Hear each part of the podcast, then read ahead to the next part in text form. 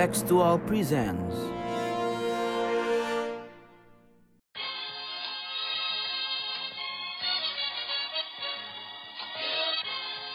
sondern wir schaffen uns unseren Staat.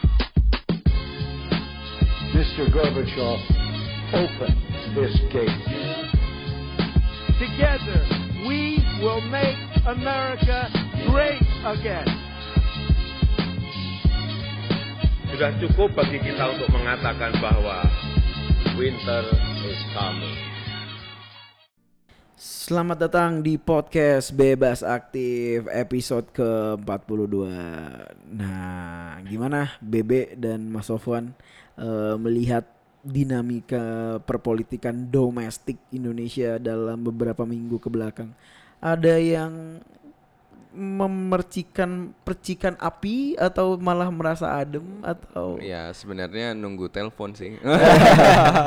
ini nih Tapi bapak-bapak teleponnya WhatsApp nggak datang-datang nih. Gitu. bapak-bapak WhatsApp banget Iya bapak-bapak WhatsApp. Kemarin saya lihat Mas Sofwan di WhatsApp pakai baju putih, Mas. Oh iya. Ngapain itu, Mas? Seminggu ini pakai baju putih. Oh, sengaja ya. Ngapain seminggu pakai baju putih? Oh enggak. enggak Training, lah. training. Eh, lagi prajap. Oke. Orang Prajap pakai baju putih semua. Kita di episode kali ini bakal ngomongin soal pelantikan Kabinet Indonesia Maju. Namanya Kabinet Indonesia Maju ya. Iya, iya. Tahun 2019 dan 2024. 2024. Sampai, Sampai 2024. Em, kira-kira dari hasil ini apa sih yang bisa dibahas oleh sebuah media HI bernama kontekstual dengan podcast bebas aktifnya apa, Be?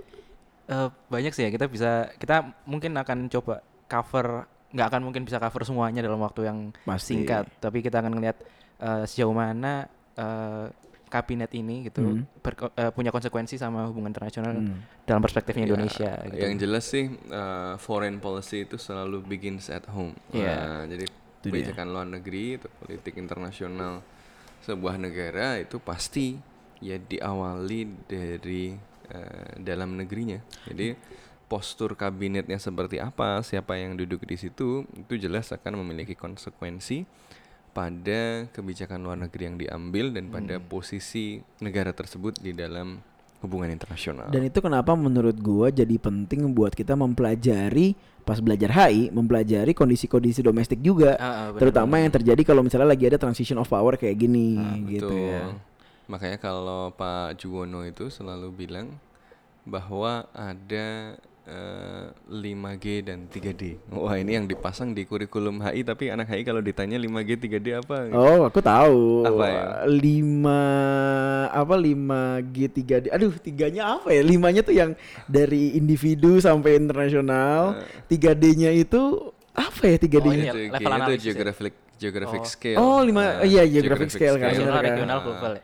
Ya, Enggak, yang- global, bukan. eh, global, regional, eh, nasional, provinsial dan lokal. Dan lo- Nah, Oke. Kalau D? D-nya dimensi, Oh. politik, ekonomi, Oh, iya, itu oh, dia. sosial budaya. Nah, Itu ini dia. harus dilihat Iya, iya, iya, secara iya, iya. simultan eh, dan berkaitan satu sama Iya, lain. benar benar benar. Padahal kita Karena udah lulus. bisa Iya memang udah lulus. Tapi Karena udah lulus karena udah lulus jadi lupa.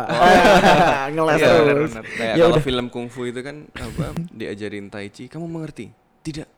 Berarti kamu sudah lulus. Wah, sudah bisa. udah lewat Sudah soalnya, nggak udah perlu. lewat. Kita udah nggak ngafalin lagi. Iya, Oke. Sudah Kita langsung jadi art, sudah jadi insting gitu ya. Iya. Oke, kita langsung masuk aja kali ya. Tetap di podcast bebas aktif. Mr. Gorbachev, open this gate. Together, we will make America great again. Oke, eh, kita masuk ke segmen pertama. Sebelum kita masuk ke segmen pertama, seperti biasa, jangan lupa follow podcast bebas aktif di Spotify, follow at contextual com di Instagram dan Twitter at contextual.com dan juga kalau misalnya kalian mau nonton yang visual, kalian bisa eh, subscribe, like dan komen video-video yang ada di Contextual Media di channel YouTube kita. Oh iya, satu lagi, jangan lupa baca contextual.com. Iya. You. Oke, gimana Be? Eh, pertanyaan pertama langsung saja. Ini sebenarnya banyak yang bisa dibahas ya. Mungkin kita fokus ke Kemlu dulu kali ya. Ya, kita Atau- mungkin overall dulu Overall kali dulu ya, ya. karena Oh. ini Overall. eh, kabinetnya ini mengejutkan sekali gitu. Yang Hmm. pertama ada ada beberapa M ya. M yang pertama adalah ini kabinet mencekam. Wow. Eh, mencakup cebong dan kampret. Jadi ini agak eh, mengejutkan barangkali bagi eh, para eh, apa politisi di dunia atau pengamat dunia yang melihat politik Indonesia tapi bukan mengamati Indonesia dari eh, apa sudah sangat intensif gitu ya dari dulu gitu. Karena nih trennya kan di seluruh dunia memang sedang ada polarisasi dan eh, kelompok-kelompok di fringe ini sedang menang. Ini kemarin eh, AFD katanya sekarang peringkat kedua nih. Oh iya, di Eh, Jerman? ha, Jerman. Aku nggak Eh, ngikutin politik be- Jerman banget sih. jadi apa ya ada ada banyak tren-tren baru yang menunjukkan bahwa dunia sebenarnya semakin terbelah dan kemarin sampai pas pemilu itu kan kita melihat kayaknya Indonesia itu ya masuk ke tren itu. Oke. Tapi berbeda dengan negara-negara lain, tiba-tiba di dalam kabinet ada apa kelompok yang polarnya sudah jauh banget tiba-tiba masuk ke kabinet di pos yang sangat Strategis. strategis. Oh ini kan em, buat orang, buat diplomat atau apa yang tidak memahami politik Indonesia secara mendalam gitu ya, mereka akan terkejut. Uh ini Diplomat teori luar kan politik apa maksudnya? lagi ya diplomat luar Ah, gitu ya. diplomat luar. Ini eh, ya jadi pertama ya dampak dari penunjukan kabinet ini ya tentu adalah eh, keterkejutan dari ya komunitas internasional yang terlanjur melihat Indonesia dalam frame tertentu ternyata frame tertentunya itu tidak berlaku gitu. Dalam demokrasi ala barat kali ya maksudnya. Makanya apa ini gitu. tapi mengejutkan sekali gitu. Tapi menurutku juga ada beberapa hal yang perlu kita garis bawahi kali ya Mas ya. Karena misalnya kalaupun kita bilang ada kekhasan demokrasi Indonesia, apakah kekhasan demokrasi Benar, ini, ini, hal bukan yang kekhasan demokrasi Indonesia, eh, kekhasan Indonesia. Kalau demokrasinya nggak tahu. ya gak tahu Eh, oke kekhasan Indonesia memang eh, segala hal dilakukan dengan kompromi dan mungkin bahkan musyawarah mufakat gitu kan jadi semuanya semuanya aklamasi nggak ada perbedaan suara gitu ya tapi permasalahannya adalah mungkin kita harus bisa Iya kalau suaranya berbeda kami siap buas dan menjadi preman lagi. katanya. Nah, katanya gitu. Iya kan maksudnya Ada Pak, yang begitu. Maksudku gini, maksudku gini, kalau misalnya kita berusaha untuk bilang itu sebagai kekhasan Indonesia dengan musyawarah mufakat, konsensus atau aklamasi, kita berangkat dari bahwa pilihan tersebut adalah pilihan yang rasional. Hmm, Dalam kata rasional adalah eh, bukan karena kepentingan tapi memang memang dibuat sebagai eh, keputusan politik bersama antara yang dipilih dan yang memilih. Permasalahannya Hmm, adalah dari ternyata dengan bukti kayak gini berarti kan ada gap antara yang memilih dan yang dipilih. Dan bahkan yang memilih aja nggak tahu nih bahwa yang dipilih kemarin akan melakukan tindakan baik itu bergabung ke koalisi terpilih atau Iya. mengajak oposisi yang terkejut, harusnya terkejut. Iya kan dua dua, dua pihak terkejut terkejut sehari, kan? tapi setelah sehari terkejut jadi wakil Baikan. menteri nggak terjadi Iya. lagi, sudah mulai cinta sedikit-sedikit. Ya, Ah, gitu. Itu orang Indonesia itu memang, Memang- sangat memaafkan ya, sangat ya, mudah ya, memaafkan. kita harus mulai berpikir lebih kritis sih dalam melihat politik Indonesia. Kritis bukan berarti kita harus terus mengkritik, tapi memang Nah. oh mungkin kita memahaminya dengan kontekstual. Tapi kayaknya sudah mulai perlu kembali ke politik internasional ini. Oh, iya, iya, iya, iya, ini iya, sudah iya. Mulai Lupa, eh, lupa, lupa, lupa. ngomong-ngomong politik Domestik. eh, domestik. Nanti lahannya eh, podcast Lain. sebelah nanti. Gimana, Be? Iya, mungkin kita langsung masuk ke eh, yang berhubungan paling dekat sama HI Hmm. secara umum ya. Mungkin Kemlu. Kemlu eh Bu Retno kepilih lagi Hmm. dan wakilnya eh, Mahendra Siregar ya, eh, yang punya latar belakang ekonomi yang kuat gitu. Iya, ini padahal sebelumnya ini loh eh, ada gosip eh, Kementerian Luar Negeri sebenarnya mau digabung sama Kementerian Perdagangan. Dengan Eh, pergantian nomenklatur ya. dengan pergantian nomenklatur dan menterinya adalah Pak Mahendra Siregar. Oh, itu Nah, itu jadi gosip menteri yang ya? Oh. yang sempat beredar gitu ya. Eh, tapi ternyata jadinya eh, menterinya tetap Bu, Bu Retno, Retno. dan eh, Pak Mahendra jadi eh, Wakil. wakil menteri. Iya. Tapi kalau kita lihat pidato Bu Menteri kemarin juga eh, menarik ya karena kalau dulu waktu periode pertama itu prioritas nomor satunya adalah perlindungan warga negara. Nah, sekarang prioritas eh, pertama ini adalah Diplomasi ekonomi. diplomasi ekonomi. Nah, Kirain diplomasi poros maritim global. Nah, poros maritim justru yang nggak ada. Itu hilang, itu hilang tuh. Itu yang menjadi topik Padahal itu sudah jadi topik jurnal dibahas dengan Iya. sangat rumit oleh para Para scholar dari luar negeri. gitu. Mereka tertipu. Nggak. Gak boleh, gak boleh bilang tertipu, mas. Gak boleh. oh iya bukan, maksudnya itu sudah Kecelek, dibuat- kecelek. sudah terinternalisasi sehingga tidak perlu disebut lagi. Iya, oh, itu saking luar biasanya. Saking luar biasa. Membuat kebijakan kita itu tidak perlu lagi kata-kata eksplisit, dia sudah Hmm, terinternalisasi di dalamnya. Wah. Aku mah eh, aja coba. Tapi sebenarnya eh, kalau ngomongin keputusan Jokowi memilih Bu Retno itu keputusan yang tepat sih karena eh, meskipun mungkin menurutku poros maritim global pada akhirnya eh so-so normal-normal aja gitu kayak business as usual nggak ada yang nggak ada yang menghentak dalam lima tahun ke belakang selain seminar-seminar yang diadakan di Visip UI Sebenarnya menghentak ya. sebenarnya menghentak perut karena bikin kenyang karena bikin kenyang ada konsumsi gitu ya.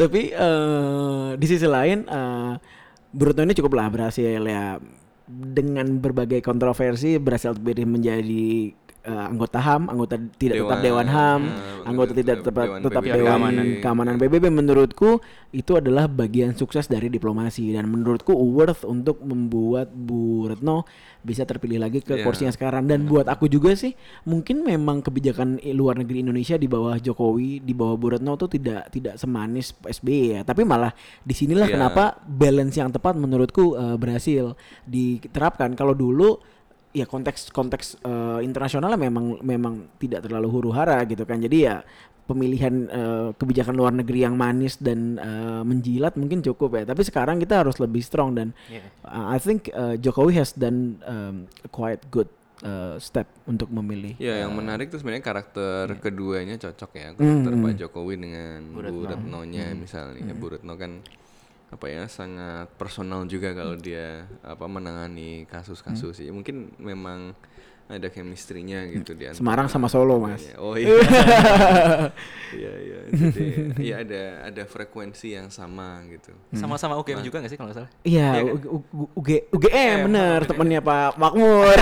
Oh iya. Iya bener sama-sama betul, UGM. betul. Jadi anak-anak UGM bagaimana? Iya tapi gimana mas lanjut lagi tadi?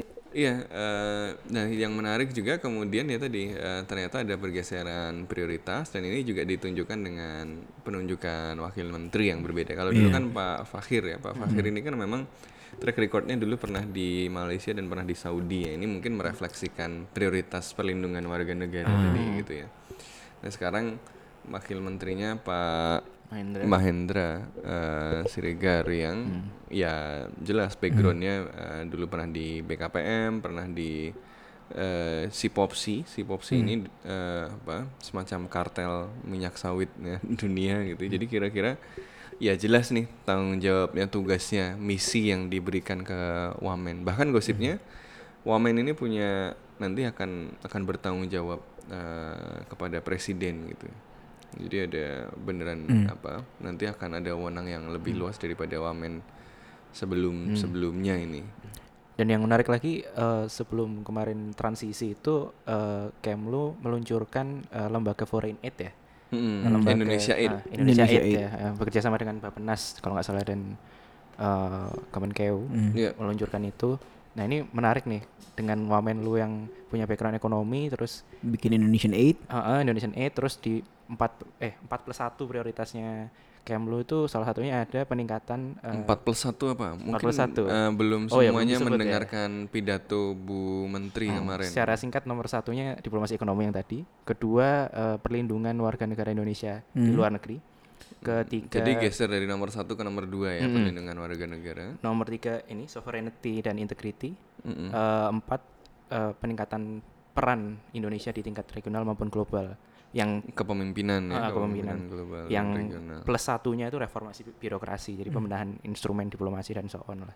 Nah, Mhm, yang menarik nih mungkin foreign aid nanti ini lembaga aid ini mungkin emang karena Indonesia mau meningkatkan peran regional dan global ini, terutama belakangan ini diskursus tentang eh, kerjasama selatan-selatan lagi naik ya, South South Cooperation. Mm, mm, mm, mm. Mungkin ini mereka me- meyakini bahwa ini saatnya Indonesia lebih andil dalam uh, diskursus dunia ketiga gitu. Ya, tapi ini tadi ada kaitannya sama diplomasi ekonomi juga. Mm-mm. Kalau kita baca apa, diskursus-diskursus tentang Indonesia Aid, tentang bantuan luar negeri Indonesia, eh, ini eh, nadanya agak eh, berbeda gitu ya dari dulu. Ini eh, ada dosen eh, UI yang lagi penelitian Mbak Asra. Mbak Asra dengerin nggak? ya kayaknya nggak kenal podcast.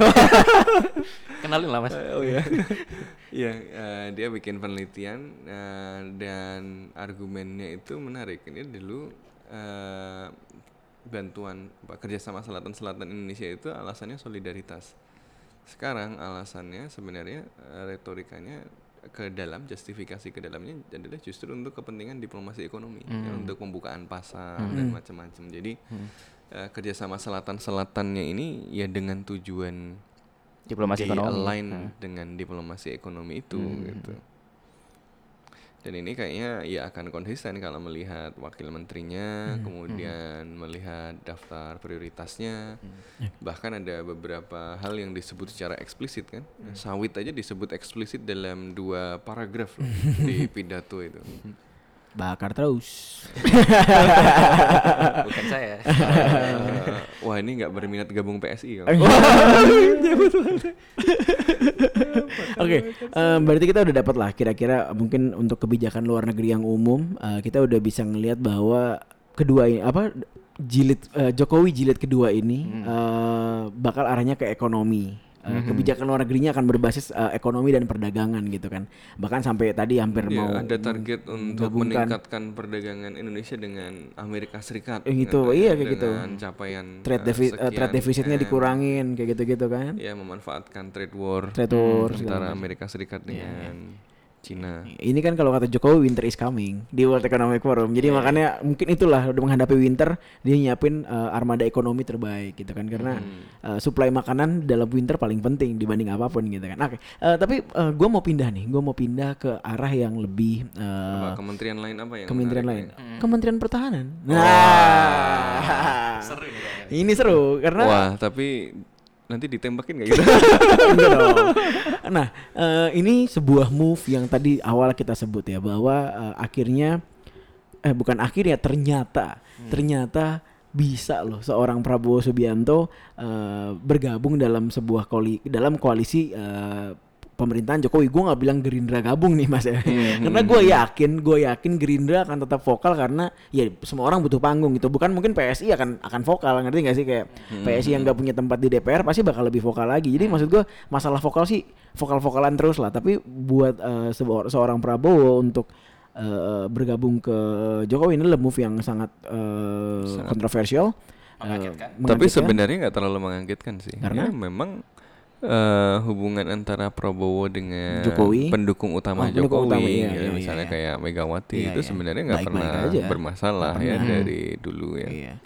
Bener-bener. Dan tapi tetap aja move ini menarik karena Prabowo eh, dianggap oleh sebagian pendukungnya Jokowi sebagai pilihan tepat karena Kementerian Pertahanan ya memang ranahnya Prabowo sampai di Jokowi bilang kalau wah ini mah aku nggak usah ngejelasin lagi lah apa tugasnya pasti Pak Prabowo lebih tahu sama tugasnya dia sebagai Menteri Pertahanan. Tapi mas yang aku pengen tanyain adalah eh, terlepas dari intrik dan gimmick, eh, bagaimana kira-kira pertahanan Indonesia eh, di bawah Prabowo, yang notabene sangat eh, approach-nya sangat militeristik even setelah dia keluar dari eh, tentara dia tetap melakukan membuat paramiliter di Gerindra misalnya dan eh, ya tetap tetap tetap dengan Ya semangat milit- memang cita-citanya gitu ya. iya da- ya mungkin memang eh, ya memang sudah terinternalisasi. terinternalisasi gitu ya. nilai-nilai militer tersebut menurut Mas Sofwan ya atau mungkin BB Ya jadi eh, kalau ya lihat dari karakternya sih ya kita Hmm. em, ya expect mungkin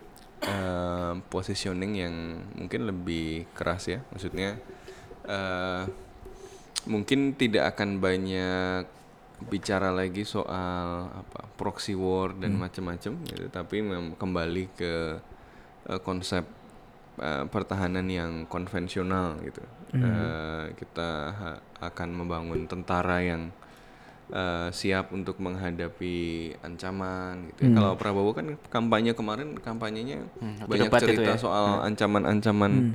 eksternal gitu Iya. ya. Kalau ancaman eksternal itu responnya ya dengan memperkuat eh, angkatan bersenjata. Kirain Ya, ini- yang unicorn yang online-online Oh, itu. iya, iya. ya makanya bukan menteri Bukan menteri eh, eh, Menkominfo. ekonomi kreatif. tapi Menkominfonya juga ternyata salah nyebut men kepanjangan Menkominfo info apa infografis sebenarnya.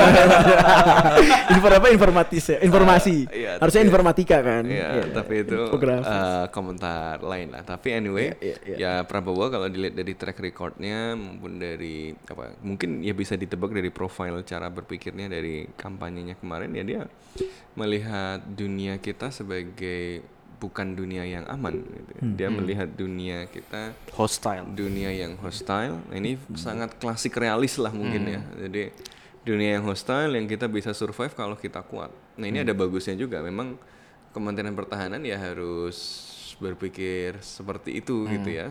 Ya, Jadi kita beneran serius misalnya mengejar eh, alutsista kita gimana biar siap, biar kuat gitu ya. minimum essential forces ya Ya gitu. M- Semoga sih energi energi eh, apa ya kewaspadaan dan kepercayaan bahwa eh, dunia itu apa eh, mengancam itu ya tersalurkan ke jalur yang benar gitu ya Setuju, dengan setuju, setuju. ya sudah kalau begitu solusinya adalah dengan memperkuat eh, persenjataan kita nggak ada korupsi-korupsi pengadaan senjata lagi karena musuhnya kan serius ada di luar sana. Kalau dikorupsi nanti perang beneran kalah gitu ya dan macam-macam. Semoga ini bisa jadi drive yang baik. Ini husnuzonnya gitu ya. Ya semoga sih begitu. Ya karena memang secara konvensional pemahaman Prabowo sangat oke lah dengan militer lah dengan sangat apa ya kita nggak bisa bilang mungkin ilmunya tinggi eh, tapi eh, pemahaman praktikalnya besar gitu kan Hmm, ya mungkin selevel dengan Wiranto misalnya selevel dengan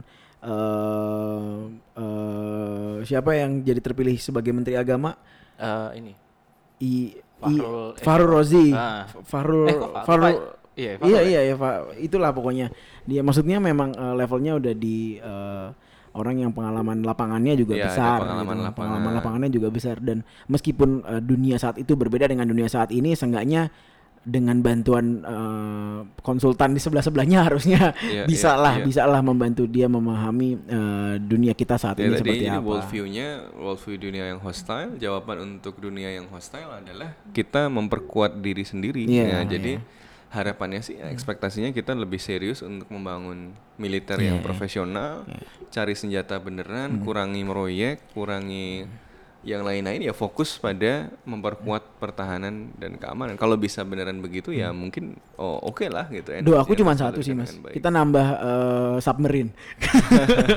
biar nggak ada segitu-segitu lagi lah jumlahnya. Kalau misalnya Iya, kalian penasaran. submarine biar bisa menghadapi apa Ghost Fleet apa sih? Ghost Fleet apa? yang buku itu ya Itu yang bukunya. yang Prabowo bilang dia baca buku itu loh Oh, Nggak- iya. apa kehancuran Indonesia. Ah, iya. Oh, Siapa iya, itu? iya, iya, iya, iya, Nah iya. itu kan kalau ada bagus ya Menteri Pertahanan itu harus paranoid.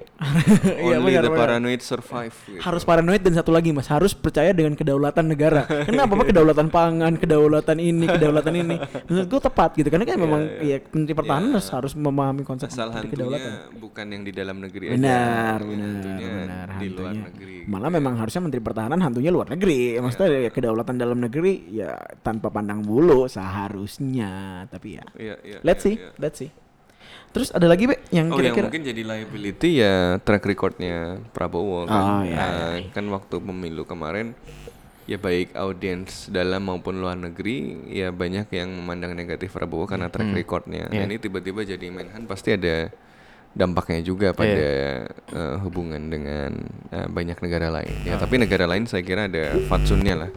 Pasti ada fatsunnya ya, ya sudah dipilih yang itu ya mereka iya, iya. akan ikut asal nggak aneh-aneh aja nanti gitu. tenang ya. aja kakak pembina udah mengontrol. yang lumayan banyak disorot sama media luar juga eh, apa ya mereka khawatir konsekuensi itu juga buat eh, hubungan sipil militer ya Ya. hubungan sipil militer dan hubungan militer dengan polisi maksudnya police military relationnya juga Hmm. mereka masih mengira-ngira nih kira-kira kalau Prabowo yang dita Prabowo yang ditaruh di situ akan berkonsekuensi seperti apa gitu Hmm. yang yang pasti yang kalau dari yang gua baca sedikit-sedikit mereka lumayan positif untuk melihat bahwa Kemenhan ini bisa mengendalikan tanda kutip mengendalikan TNI karena faktor Prabowo ini. Jadi eh, bisa mengendalikan sebagai sebagai representasi sipil bisa mengendalikan TNI tapi eh, ntar konsekuensi lainnya gimana terutama yang karena track record masalah HAM tadi yaitu yang jadi pertanyaan juga gitu sih. Iya, eh, BB nge-raise isu yang penting sih soal concern internasional tentang eh apa ya, bagaimana dampak dari kabinet ini pada hubungan sipil militer dan mungkin pada demokratisasi yang lebih jauh lagi. Menurut gue sih eh, beberapa media dan beberapa pengamat sudah jelas sih menyatakan ini. Memang kabinet ini memang harus diawasi dengan keras gitu ya. Kalau lihat dari komposisinya eh ya kita ya kita tidak boleh suudzon ya tidak boleh berprasangka buruk pasti ini tapi kita melihat track record bahwa kayaknya kita memang harus mulai membangun benteng-benteng kebebasan sipil yang Iya. eh, lebih kokoh gitu ya. Karena banyak tokoh militer di situ banyak tokoh polisi di situ bahkan yang ada bermasalah gitu di situ gitu ya. Ya apa pun kita beri kesempatan lah itu hak prerogatif presiden. Tapi tetap harus kritis dan ini menunjukkan apa ya ya kit- eh, ada ada potensi-potensi ancaman di situ. Apalagi kemarin eh, apa Komnas HAM yang bikin report eh, Komnas HAM atau apa yang 44 orang mengutarakan pendapat eh, Iya. tewas secara misterius. bukan Komnas HAM, Kontras kontras, ya, kalau kontras ya kontras Eh, dan ini tidak terbatas pada aksi yang kemarin saja atau ini kan mulai ada kejadian-kejadian kayak aktivis-aktivis lingkungan tiba-tiba hilang mati nggak ada ininya. Nah ini hal-hal yang eh, menurut gue sih harus jadi alarm. Kita harus memulai oke lah berikan kepercayaan tapi kita sudah beri kepercayaan kemarin ketika pemilu. Nah, sekarang tugas kita adalah mengawasi cebong kah kampret kah eh, apa pun ya. Sekarang tugas kita adalah mengawasi dan secara skeptis eh, mengawal supaya tidak ada abuse of power oleh siapa pun dengan dalih apa pun ya dengan pretext apa pun. Iya. baik. Oke. eh, terakhir eh, sebelum kita masuk ke segmen 2, mungkin eh, kita bakal ngebahas dari sisi ekonomi dan keuangan. Terutama Kementerian Keuangan, eh, Bu Sri Mulyani, Kementerian BUMN, eh, Erick Thohir, sama mungkin Kementerian Perdagangan. Siapa Kementerian Perdagangan? Siapa ya? nah dicek dulu Kementerian Perdagangan menarik soalnya menurut gue memang kita di tengah-tengah trade war eh, salah satu menteri yang paling strategis yang paling signifikan adalah Kementerian Perdagangan. Dia yang bisa mengambil alih ya kemarin dipanggil KPK terus nggak nggak datang datang siapa tuh? Ya Menteri Perdagangan sebelumnya. Oh siapa mas? Ya coba dicek. Coba coba coba coba coba. Coba be. Dari satu partai tertentu. Terlepas dari menterinya siapa baik itu eh, Kementerian Keuangan, BUMN ataupun perdagangan, poin eh, ku adalah eh uncertainty semakin meningkat di tingkat internasional buat gua. Eh, terutama ketika mm, China ekonominya sudah eh, jauh lebih melambat daripada lima tahun lalu. Menurut gua penting kalau misalnya kita ngelihat ini gimana dampaknya ke foreign policy-nya Indonesia dan ses- sederhananya kayak gini sih. Kita harus bisa Sri Mulyani oke. Tapi gimana kita harus bisa naruh menteri perdagangan yang bisa take over em, dari negara-negara kayak Vietnam atau Bangladesh untuk masalah labor dan segala macam. dikasih ke itu Wamen eh, Kementerian Luar Negeri deh Wamen lu Oh, jadi oke. visi untuk diplomasi ekonomi untuk mengalihkan benefit dari Hmm. kem- dari perang dagang itu kayaknya dititipkannya ke Pak Mahendra Siregar. Terus Kementerian Perdagangannya? Ya tadinya kan mau digabung sama Kemlu ya, tapi- Jadi sekarang gabut gitu. Mas. Kayaknya kita harus daftar PNS Kementerian Perdagangan nih. Enggak, ya masih ngurusin Perdagangan eh, domestik ya? perdagangan secara umum dan perdagangan internasional secara umum kan Oke, banyak oke. banyak hal. Tapi yang mungkin yang butuh extra efforts untuk eh, apa eh, diplomasinya yang butuh nggak cuma eh, hubungan dagangnya atau fasilitasi perdagangan atau menghilangkan hambatan perdagangan mungkin ya dikoordinasikan langsung sama Wamenlu tadi. Oke, oke. Ya udah berarti eh, karena kita mau ngom- ngebahas ini lebih lanjut di segmen kedua, kita Ya, langsung pindah aja kali ya Karena ke ada segmen satu kedua. ya. raksasa di situ yang harus dibahas ya nggak mungkin dibahas di satu segmen yang sama dengan Segmen eh, Menhan tadi. Oke. Kemenko itu ya. Iya, Kemenko Investasi. Itu- Kemenko Maritim dan itu harus Investasi. dipisah itu. Oh, karena Oke. ada konsekuensi dalam hubungan internasional Oke. juga yang Tetap lain. di podcast Bebas Aktif. Mr. Gorbachev, open this gate. Together, we will make America great again. Oke, eh, kembali lagi di podcast Bebas Aktif. Segmen kedua kita sekarang kita bakal bahas soal apa nih, Bebe? Hal-hal yang belum terbahas. Ya. Hal yang belum terbahas Tadi kayaknya banyak ada banget. kementerian-kementerian yang belum Iya. eh, terbahas ya. Iya. Nah, yang belum terbahas yang kayaknya penting banget untuk dibahas karena orang ini ya sangat penting bahkan sebelum Bapak Presiden menjadi presiden. Mhm. Ya, tentu saja siapa Eh, Kemenko Maritim dan Ya. sekarang investasi, nomenklatur baru ya. Iya nomenklatur baru yang eh, unik sebenarnya karena maritim dan Iya, investasi. itu dia. Nah itu Itu kenapa bisa gitu ya Mas? ya, ma- itu sebenarnya singkatan untuk kampanye. Karena investasi kita belum sesuai harapan, maka dicari singkatan kementerian yang bisa mendorong orang untuk berinvestasi. Maritim dan investasi. Mari Invest.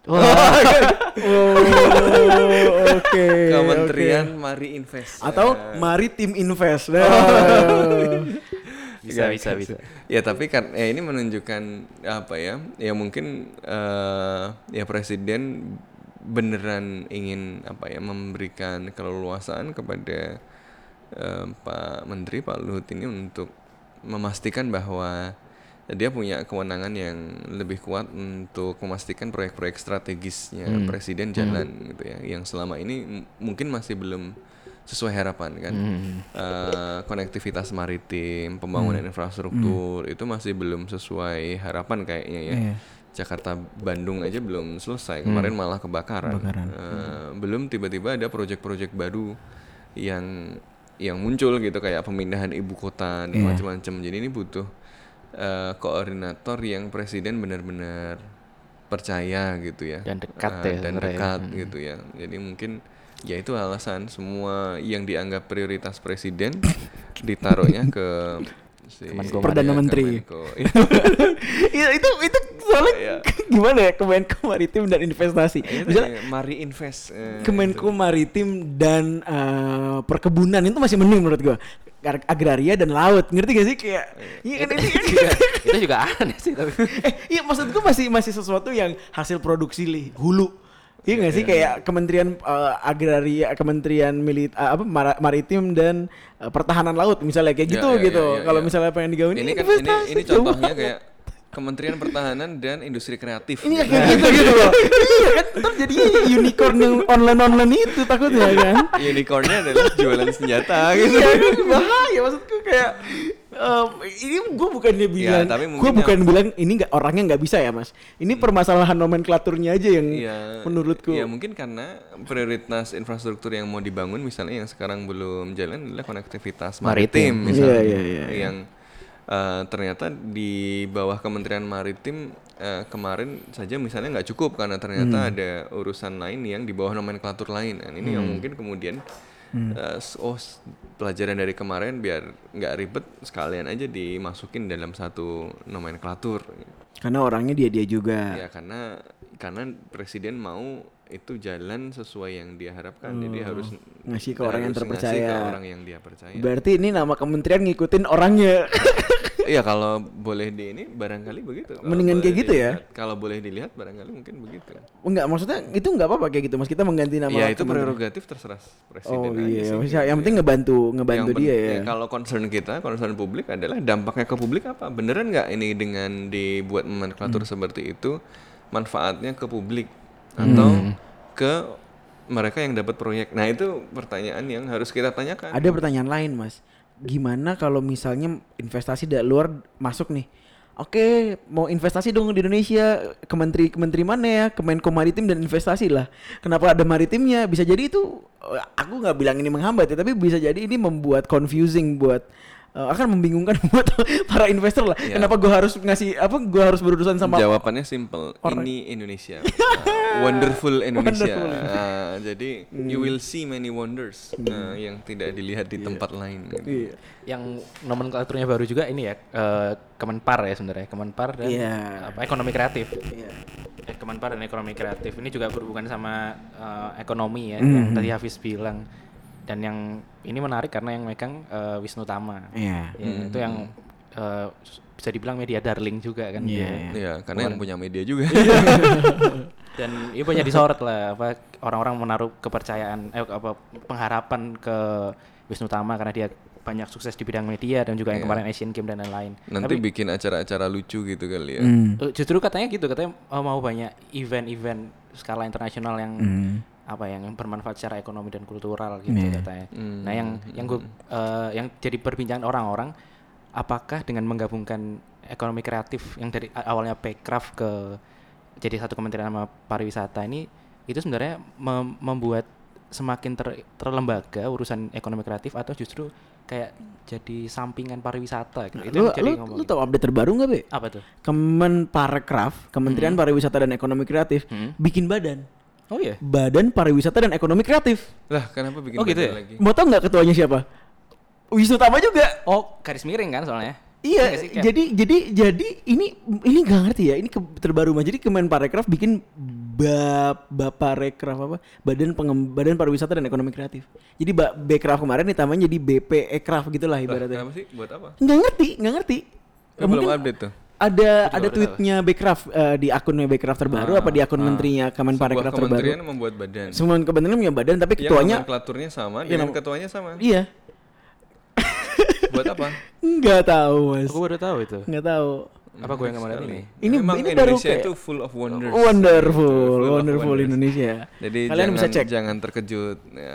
Kalian bisa cek dan kalau misalnya gua hoax langsung komentar, "Oh, Hafiz hoax," tapi gua yakin gua nggak hoax. Karena gua Oke. benar-benar baru baca pagi ini kalau nggak salah. Gua kira kayak ini Kementerian PPN garis miring Bappenas itu kan memang Iya, oh emang iya, gitu kan. enggak, enggak.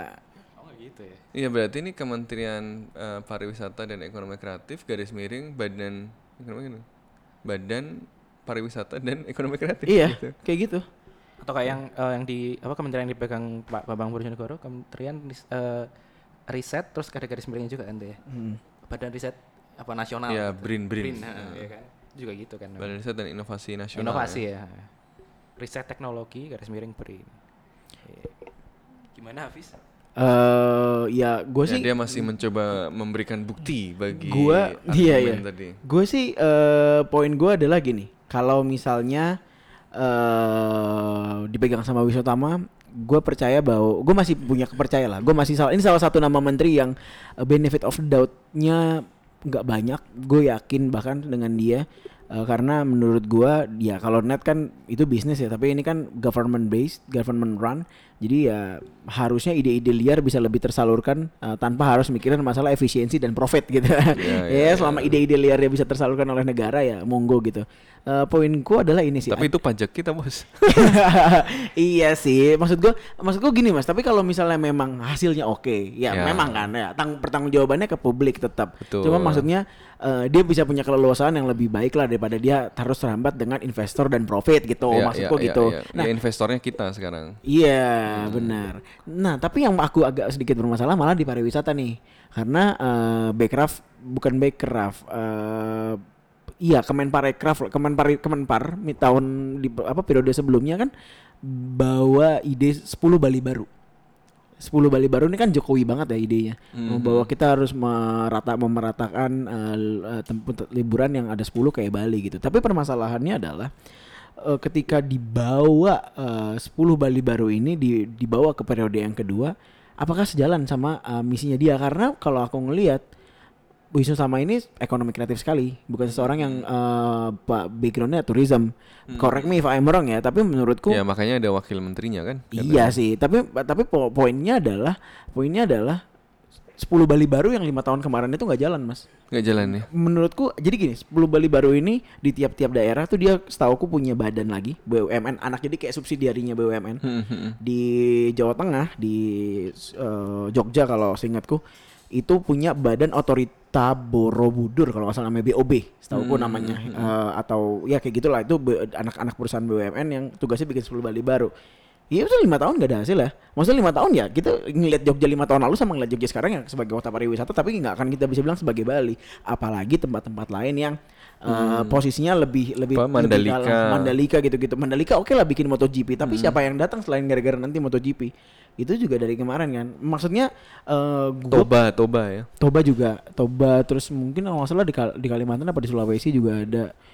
Yang po- poinnya adalah eh nomenklaturnya nggak masalah, tapi fokusnya ini kembali lagi Iya. ke ekonomi kreatif. Ya sih. jangan sampai ini cuma mindah-mindah nomenklatur karena sebelumnya yang kemarin itu pada nggak jalan semua. Iya, iya, kayak gitu maksudnya. nggak jalan, badan-badan Buat untuk bikin pariwisata nggak jalan. Nah, itu ya. maksudku.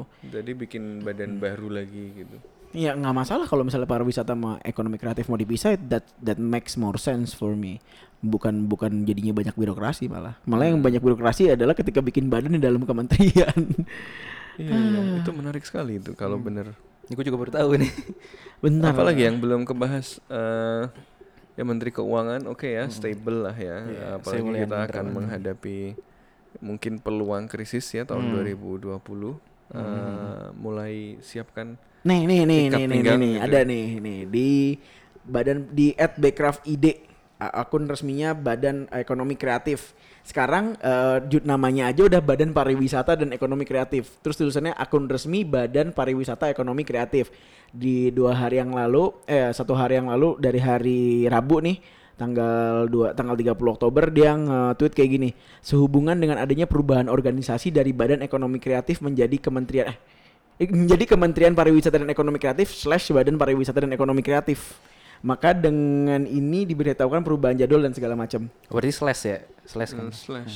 Slash itu berarti double tetap double birokrasi Double, dong. ha-ha. Iya kan? Gitu ya. Mungkin karena tadinya yang ada di ba- badan berarti tetap masuk dengan strukturnya yang intact gitu. Jadi tidak Hmm. dilebur ke dalam uh, struktur birokrasi si kementerian. Hmm. Tapi atasnya satu. Karena badan kan punya ini sendiri. Cara sendiri. uh, punya ini sendiri. Mungkin ya biar nggak ribet Hmm. gabunginnya kali ya.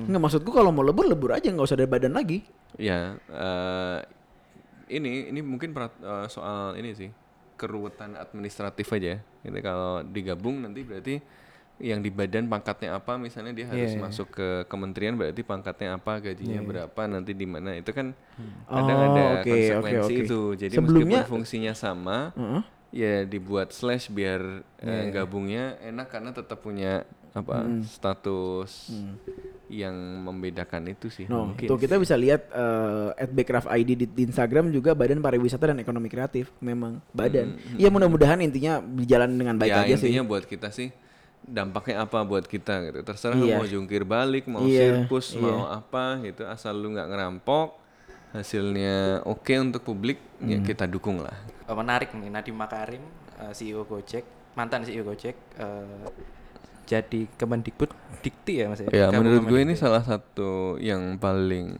ini sih taruhan yang Paling besar. paling menjanjikan sih. Hmm. maksudnya malah paling menjanjikan. Yang lain soalnya nggak jelas. Banyak yang nggak jelas. Banyak yang nggak jelas.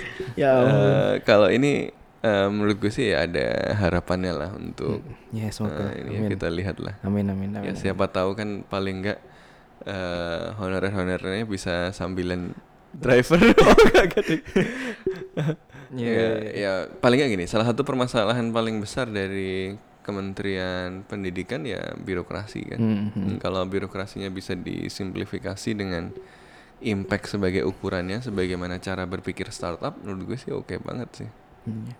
Oh, terutama ini ya eh, reformasi birokrasi lagi digaung-gaungkan ya. betul, Katanya betul. eselonisasi mau dipangkas jadi tinggal eselon 1 2 aja Iya, di eselon beberapa dipangkas tapi wakil menteri ditambah. Jadi kadang ini maksudnya maunya seperti apa sih gitu ya? Tapi Mungkin ya, alih alih daya, alih itu sumber wonder daya. lah, itu wondernya Indonesia lah. Kita kita berikan kesempatan lah untuk bekerja, tapi harus dipantau dengan skeptis ya, dengan hati-hati dan yang penting ya kita membangun benteng perlindungan untuk kebebasan Sipil. eh, sipil ya gitu. Oke. Eh, buat gue sih selamat bekerja. Eh, Selamat bekerja semua para menteri. menteri-menteri dan wakil menteri. eh, Semua mata memandang Jokowi. Anda sekarang. Dengan eh, eskalasi politik lima tahun terakhir, eskalasi kesadaran politik lima tahun terakhir, ditambah eskalasi kesadaran politik mahasiswa beberapa bulan terakhir, menurutku akan sangat bodoh kalau misalnya kalian melakukan kesalahan fatal dalam kurun waktu yang mungkin belum nyampe eh, sebulan bahkan. Jadi gue berharap langkah-langkah pertama ini, baby steps di awal ini menjadi langkah-langkah terbaik kalian biar lima tahun ke depan kepercayaan publik juga terus ter- eh, terawat nggak ada lagi wakil menteri yang korupsi kalau kata Jokowi kayak gitu ya dan paling penting sih ini paling penting adalah em, Iya, ki- membatalkan keraguan publik bahwa kita sedang sliding back to Setuju. the new order. Setuju. Itu Karena maksudku. Sekarang kekhawatiran banyak orang adalah That's kita my point. kembali kepada orde baru yang mulai dari pembunuhan-pembunuhan yang tidak jelas siapa pembunuhnya, hukuman yang ringan untuk pelanggaran apa peng- penembakan eh, demonstran ya dan macam-macam. Ini kan membuat orang-orang khawatir jangan-jangan kita kembali ke orde baru. Mari Bapak-bapak, ibu-ibu, buktikan Anda tidak sedang membawa kendaraan Orde Baru pulang. Misalnya dengan menerbitkan Perpu KPK. ya tapi eh masalah KPK masalah lain lah. Kita mungkin akan kita obrolin di eh, di eh, ruang-ruang lain mungkin Iya. di podcast episode lain atau di konten lain. Tapi eh, baik lagi jangan korupsi dan tolong jaga amanah Jokowi dan rakyat. Itu aja sih. Ya. Dan Jokowi juga harus menjaga amanah rakyat. betul. betul, Bebe? Ya, sudah. Sudah. oke Oke. Mantap. Selamat bekerja. selamat bekerja Kerja, Dadah. kerja, kerja.